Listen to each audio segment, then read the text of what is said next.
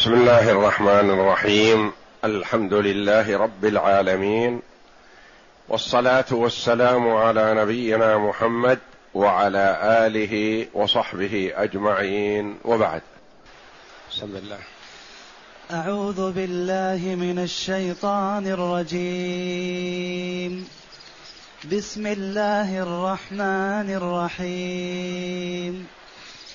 إذا السماء انفطرت وإذا الكواكب انتثرت وإذا البحار فجرت وإذا القبور بعثرت علمت نفس ما قدمت وأخرت يا أيها الإنسان ما غرك بربك الكريم الذي خلقك فسواك فعدلك في أي صورة ما شاء ركبك. حسبك. هذه السورة سورة الانفطار وهي مكية أي من السور التي نزلت بمكة. قبل هجرة النبي صلى الله عليه وسلم إلى المدينة. وقد اصطلح علماء القرآن على أن ما نزل من القرآن قبل هجرة النبي صلى الله عليه وسلم من مكة إلى المدينة يسمى مكي ولو نزل خارج مكة. وما نزل بعد هجرته صلى الله عليه وسلم من مكة إلى المدينة يعتبر مدني. ولو نزل بمكة أو في عرفات أو في منى أو في الأسفار أو في الغزوات فإنه يسمى مدني. وتقسيم القرآن إلى مكي ومدني المكي هو الأول منه الذي نزل بمكة والمدني ما نزل بعد هجرته صلى الله عليه وسلم إلى المدينة. وتقدم الحديث عن النبي صلى الله عليه وسلم قوله عليه الصلاة والسلام من سره أن ينظر إلى القيامة كأنها رأي عين فليقرأ. إذا الشمس كورت وإذا السماء انفطرت وإذا السماء انشقت. هذه السور الثلاث تصور أهوال يوم القيامة. وجاء عن النبي صلى الله عليه وسلم حينما صلى معاذ بن جبل رضي الله عنه بأصحابه صلاة العشاء فطول فقال له النبي صلى الله عليه وسلم أفتان أنت يا معاذ؟ أين أنت من سبح اسم ربك الأعلى؟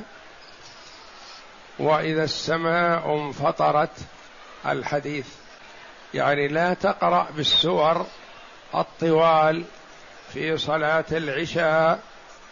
اقرأ من هذه السور. قوله جل وعلا إذا السماء انفطرت. انفطرت بمعنى انشقت وتفطرت وصارت شقوق لذهاب الدنيا وزوالها. أو لأجل نزول الملائكة عليهم الصلاة والسلام ليحيطوا بأهل الأرض. وكما قال الله جل وعلا يوم تشقق السماء بالغمام ونزل الملائكة تنزيلا. وقوله جل وعلا في السورة الآتية إذا السماء انشقت وأذنت لربها وحقت. وإذا الكواكب انتثرت الكواكب النجوم في السماء انتثرت تساقطت تساقطت متفرقة لانتهاء المراد منها وزوال الدنيا. وإذا البحار فجرت. إذا البحار فجرت فجر بعضها على بعض واختلط عذبها بملحها. وصارت بحرا واحدا. وقرئ فجرت. وإذا البحار فجرت. بمعنى أنها طغت وتجاوزت حدها بأمر الله جل وعلا. كما قال تعالى مرج البحرين يلتقيان وقيل معنى فجرت أي يبست وذهب ماؤها واستوت مع الأرض اليابسة. وقرئ فجرت وفجرت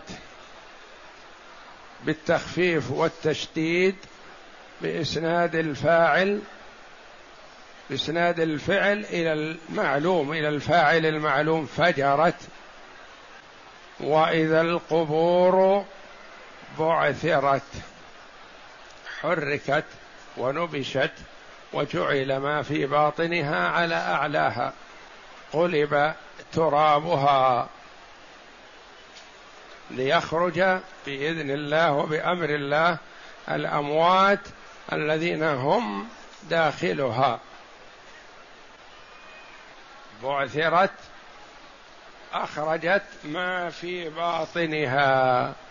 وقيل أخرجت ما في باطنها من الذهب والفضة من كنوزها. أخرجت كنوزها وإذا القبور بعثرت علمت نفس ما قدمت وأخرت. هذا جواب الشرط. إذا حصلت هذه الأشياء علمت نفس ما قدمت وأخرت. وعلم النفس بما قدمت وأخرت لا يكون عند حصول هذه الأشياء على طول وإنما هذه الأشياء تحصل في أول يوم القيامة ويوم القيامة يوم ممتد طويل يستمر من قيام الساعة إلى أن يدخل أهل الجنة الجنة وأهل النار النار. هذا كله يسمى يوم القيامة وهو يوم طويل. لكن إذا حصلت هذه الأشياء ظهرت تباشير الخير وظهرت تباشير الشر. يعلم الإنسان لأن المؤمن تتلقاه الملائكة وتبشره. والكافر والفاجر والعياذ بالله تقابله ملائكة العذاب وتخوفه وتزجره. كما قال الله جل وعلا في حق المؤمنين إن الذين قالوا ربنا الله ثم استقاموا تتنزل عليهم الملائكة ألا تخافوا ولا تحزنوا وأبشروا بالجنة التي كنتم توعدون. فذلك اليوم يوم مخوف. لكن المؤمن تتنزل عليه الملائكة في المواطن التي فيها الرعب والخوف الشديد. تتنزل عليه عند الاحتضار فتبشره. تتنزل عليه في القبر فتبشره. تتنزل عليه عند البعث من القبور فتبشره وتؤمنه. فهو يستبشر وإن لم تكن زالت المخاوف كلها. لأن في ذلك اليوم أطوار. حالة يستبشر بها المؤمن ويرتاح وحالة يكون عنده شيء من الخوف والوجل ولا يدري ما مصيره. علمت نفس ما قدمت وأخرت. الإنسان يعمل في الدنيا الأعمال الحسنة وقد ينساها ويعمل الأعمال السيئة وقد ينساها. لكن في ذلك اليوم يعلم كل عمل خير عمله وكل عمل سيء عمله. علمت نفس ما قدمت وأخرت. قالوا ما قدمت بين يديها من الحسنات. مما عمله المرء في حال حياته. وما أخرت يعني ما لحقه بعد موته. مما سنه من سنة حسنة فله أجرها وأجر من عمل بها إلى يوم القيامة. ما يلحقه من ثواب صدقة جارية ما يدري عنها. ما يلحقه من علم ينتفع به ما يلحقه من ولد صالح يدعو له. يلحقه عمل الولد الصالح وربما يكون هذا الولد حال موت الأب ما ولد إلى الآن. فيأتيه العمل الصالح. فهذا الذي أخر يعني جاء بعده. وقيل ما قدمت من الحسنات وما أخرته من الأعمال الحسنة التي كان بإمكانه أن يعملها لكنه لم يعملها فيتأسف عليها. لأنه في يوم القيامة ما من محسن ولا مسيء إلا ويتأسف. لأن المحسن يتأسف الا إزداد إحسانا. ما دام هذا ثواب الحسنات هذا الثواب العظيم. يقول يا ليتني زدت. ويتأسف على ما فرط من الأعمال الصالحة التي بإمكانه أن يعملها. والمسيء والعياذ بالله يتأسف كيف قدم هذه الأعمال السيئة؟ ما ظن أنه سيجدها. ما ظن أنه سيلقاها. ما ظن أنه سيحاسب عنها. يظن أنها ذهبت في وقتها. لذة ذهبت في حرام. يظن أنها انتهت. لا. فيتأسف ويحزن المؤمن والكافر والفاجر والمسيء. كل واحد بحسبه. المؤمن يتمنى أن لو زاد في الأعمال الصالحة ما دام هذا ثوابها العظيم. والمسيء يتمنى أن ليس عمل أن لم يعمل. ليته لم يعمل. قال قتادة رحمه الله ما قدمت من معصية وأخرت من طاعة. يعني كان بإمكانه أن يقوم بها. وقيل ما قدم من فرض وأخر من فرض. وقيل أول عمله وآخره لأن المؤمن أعماله الصالحة تحتسب له من أولها. وإن كان ابن سنتين وثلاث سنوات إذا أحسن في شيء ما يثاب عليه. كما قال النبي صلى الله عليه وسلم للمرأة التي قابلته في الحج ورفعت صبيا رفعت صبي صغير رفعته بين يديها يعني صغير. فقالت يا رسول الله ألي هذا حج؟ قال نعم. ما دام له حج فله ثواب ولك أجر. يعني يثاب على العمل الصالح وإن كان صغير. وأما السيئات فمن فضل الله جل وعلا وإحسانه ألا تجرى على المرء إلا بعد البلوغ.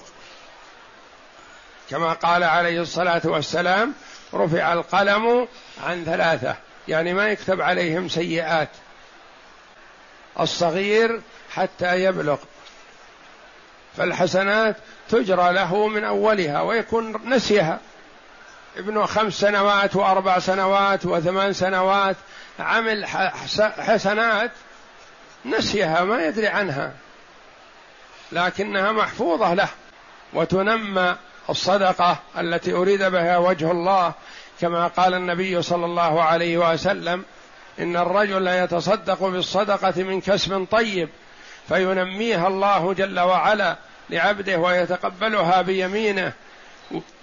وكلتا يدي ربي يمين مباركة فيربيها له حتى تكون مثل الجبل العظيم. التمرة يتصدق بها احتسابا إذا تقبلها الله جل وعلا رباها ونماها لعبده حتى تكون كالجبل. وهذا العلم والله أعلم كما قال بعض المفسرين علم إجمالي يعني يستبشر بأمارات السعادة. ولا ما يكون علم كامل عند حصول هذه الأشياء وإنما تحصل أمارات وعلامات السعادة فيسر بهذا.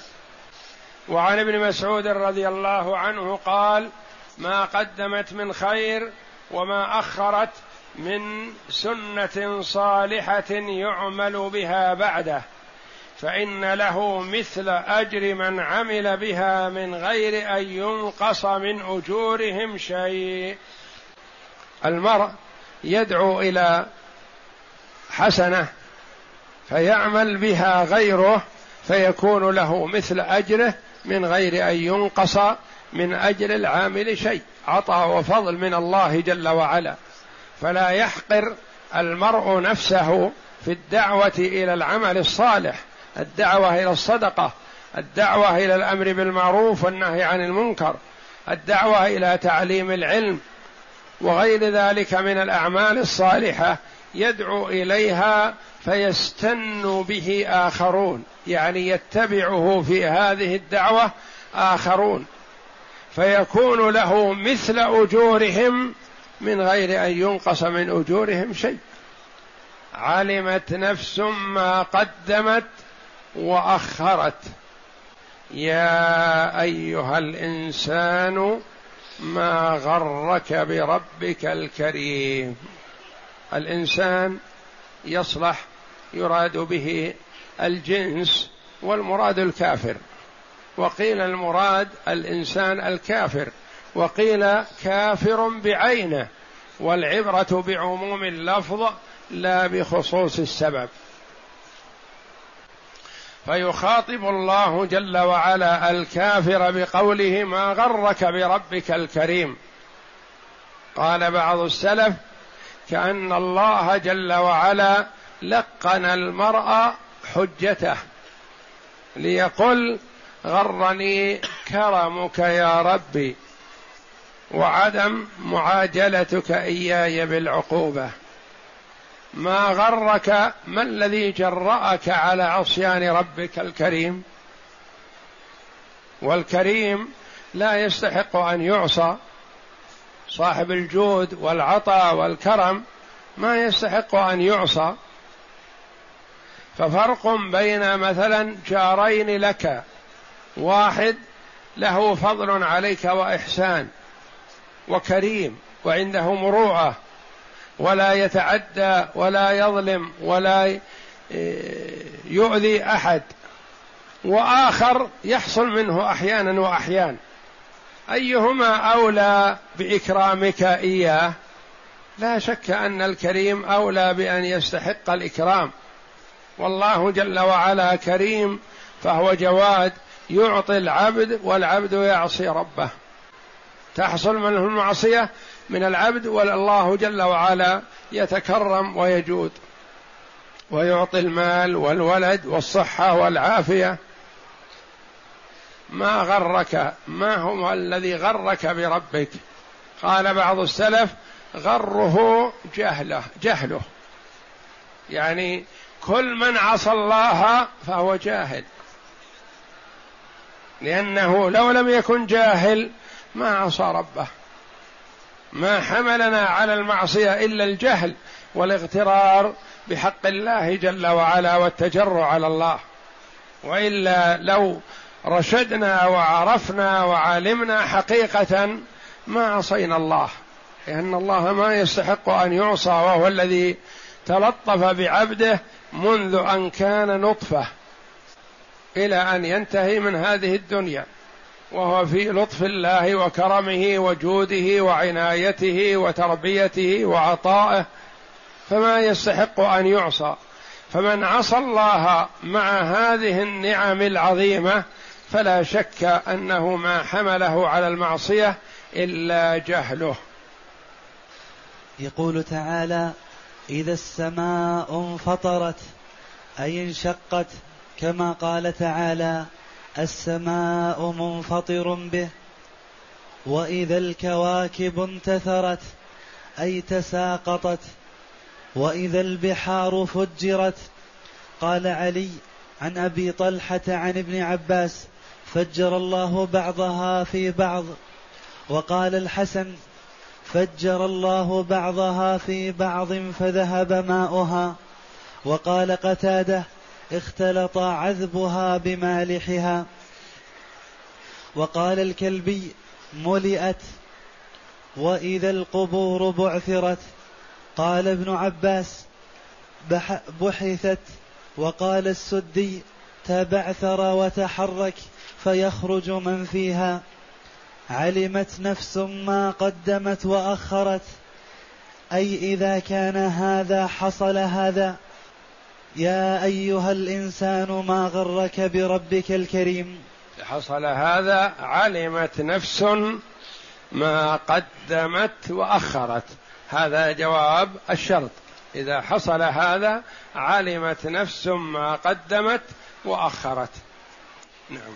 يا أيها الإنسان ما غرك بربك الكريم؟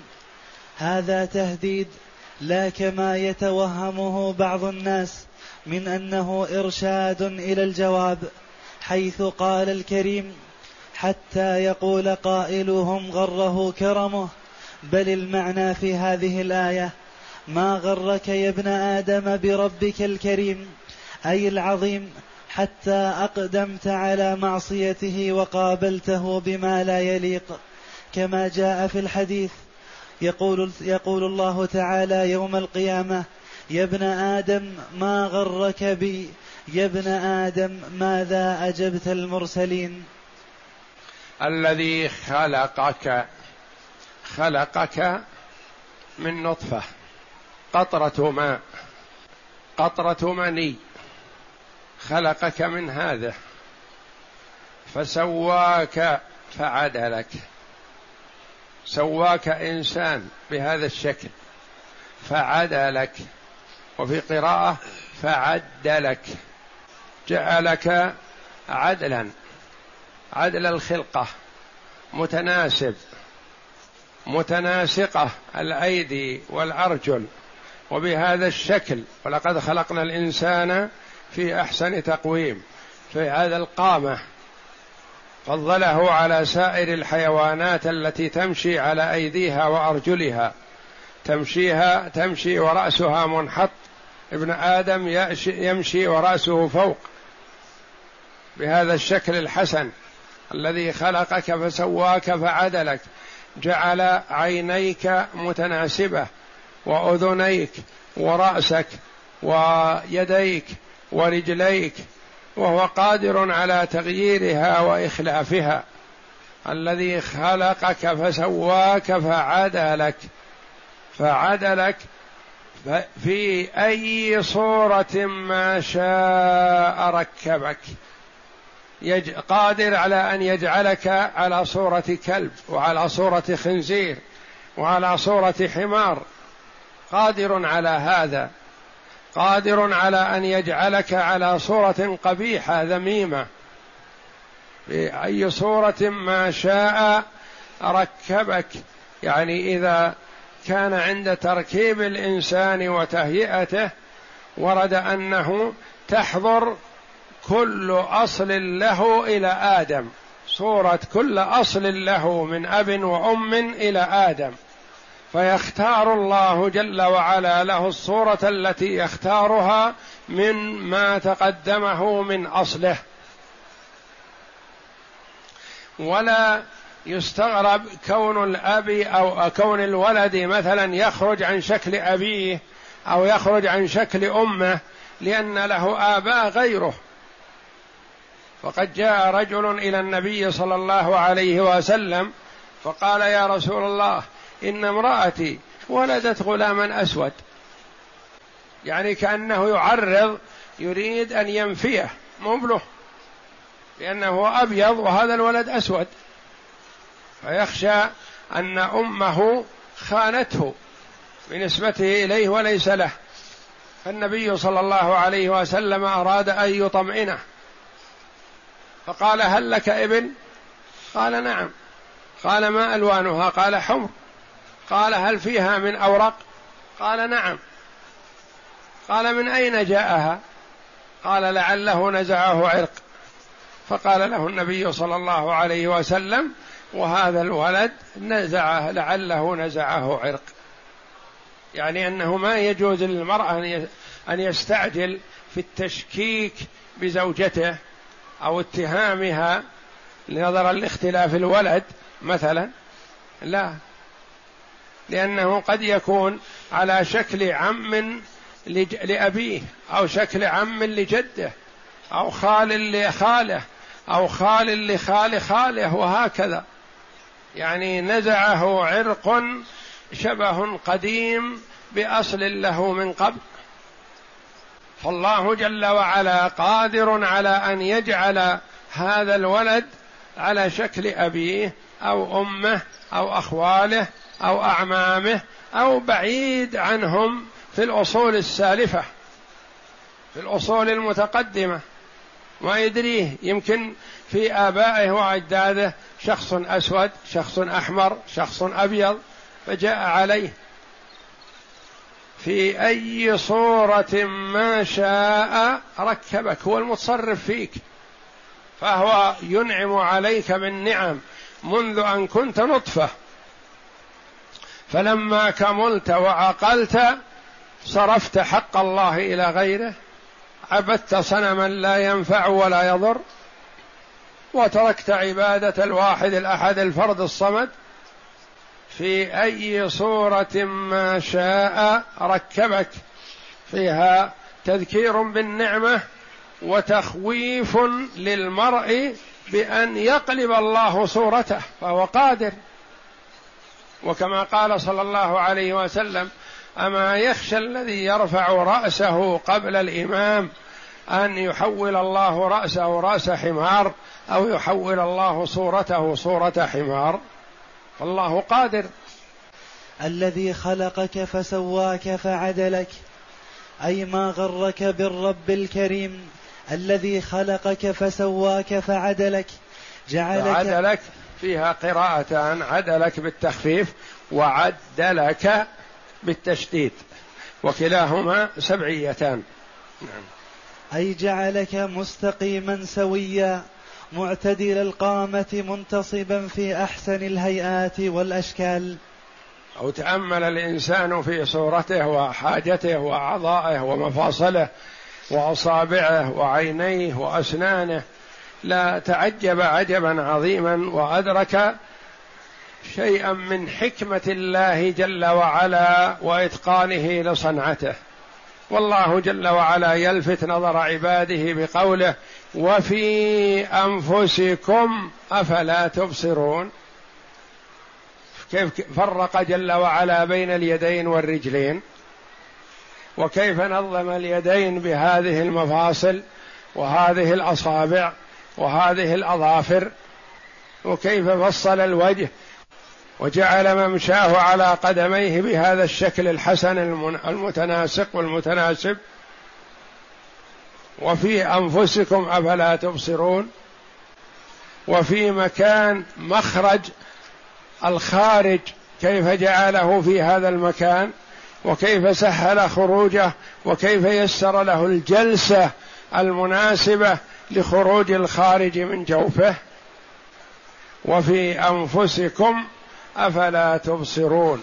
لو تفكر الإنسان في نفسه لرأى العجب العجاب. ولقد خلقنا الإنسان لقد خلقنا الإنسان في أحسن تقويم. ثم رددناه أسفل سافلين. إذا خرف وهذرا وفقد العقل والإدراك ماذا يكون؟ كالطفل. وأقل من الطفل لأن الطفل يكون عنده قصور لكن يتدرج في الكمال. والكبير يكون عنده القصور ويتدرج في النقص ما يتدرج في الكمال. ثم رددناه أسفل سافلين إلا الذين آمنوا. وعملوا الصالحات فلهم أجر غير ممنون. حتى لو فقد الوعي والإدراك فعمله الصالح يجرى له قد يظن ظان مثلا أن هذا المخرف الذي لا يصلي ولا يصوم ولا يعرف شيء لا فائدة في وجوده لا لنفسه ولا لغيره وليس الأمر كذلك. بل له فائدة لنفسه. له خير عظيم. أعماله الصالحة في حال قدرته ونشاطه تجرى له باستمرار. صلاة وصيام وقيام الليل. وهكذا ينبغي للمرء حال القدرة أن يجتهد في العمل الصالح حتى إذا عجز يستمر بإذن الله. يستمر العمل الصالح له وإن كان لا يعلم شيء ولا يعمل شيء. مخرف. لكن عمله الصالح يجرى له. إلا الذين آمنوا وعملوا الصالحات فلهم أجر غير ممنون غير مقطوع ولا منقوص يجرى له. صلاته وصيامه وزكاته وأعماله الصالحة كلها تجرى له. وذكره لله وقراءته للقرآن وغير ذلك من الأعمال الصالحة. في أي صورة ما شاء ركبك قال مجاهد في أي شبه أب أو أم أو خال؟ وقال قتادة في أي صورة ما شاء ركبك؟ قال قادر والله ربنا على ذلك. ومعنى هذا القول عند هؤلاء أن الله عز وجل قادر على خلق النطفة على شكل قبيح من الحيوانات المنكرة. ولكن بقدرته ولطفه وحلمه يخلق على شكل حسن مستقيم معتدل تام حسن المنظر والهيئة. والله أعلم وصلى الله وسلم وبارك على عبده ورسول نبينا محمد وعلى آله وصحبه أجمعين.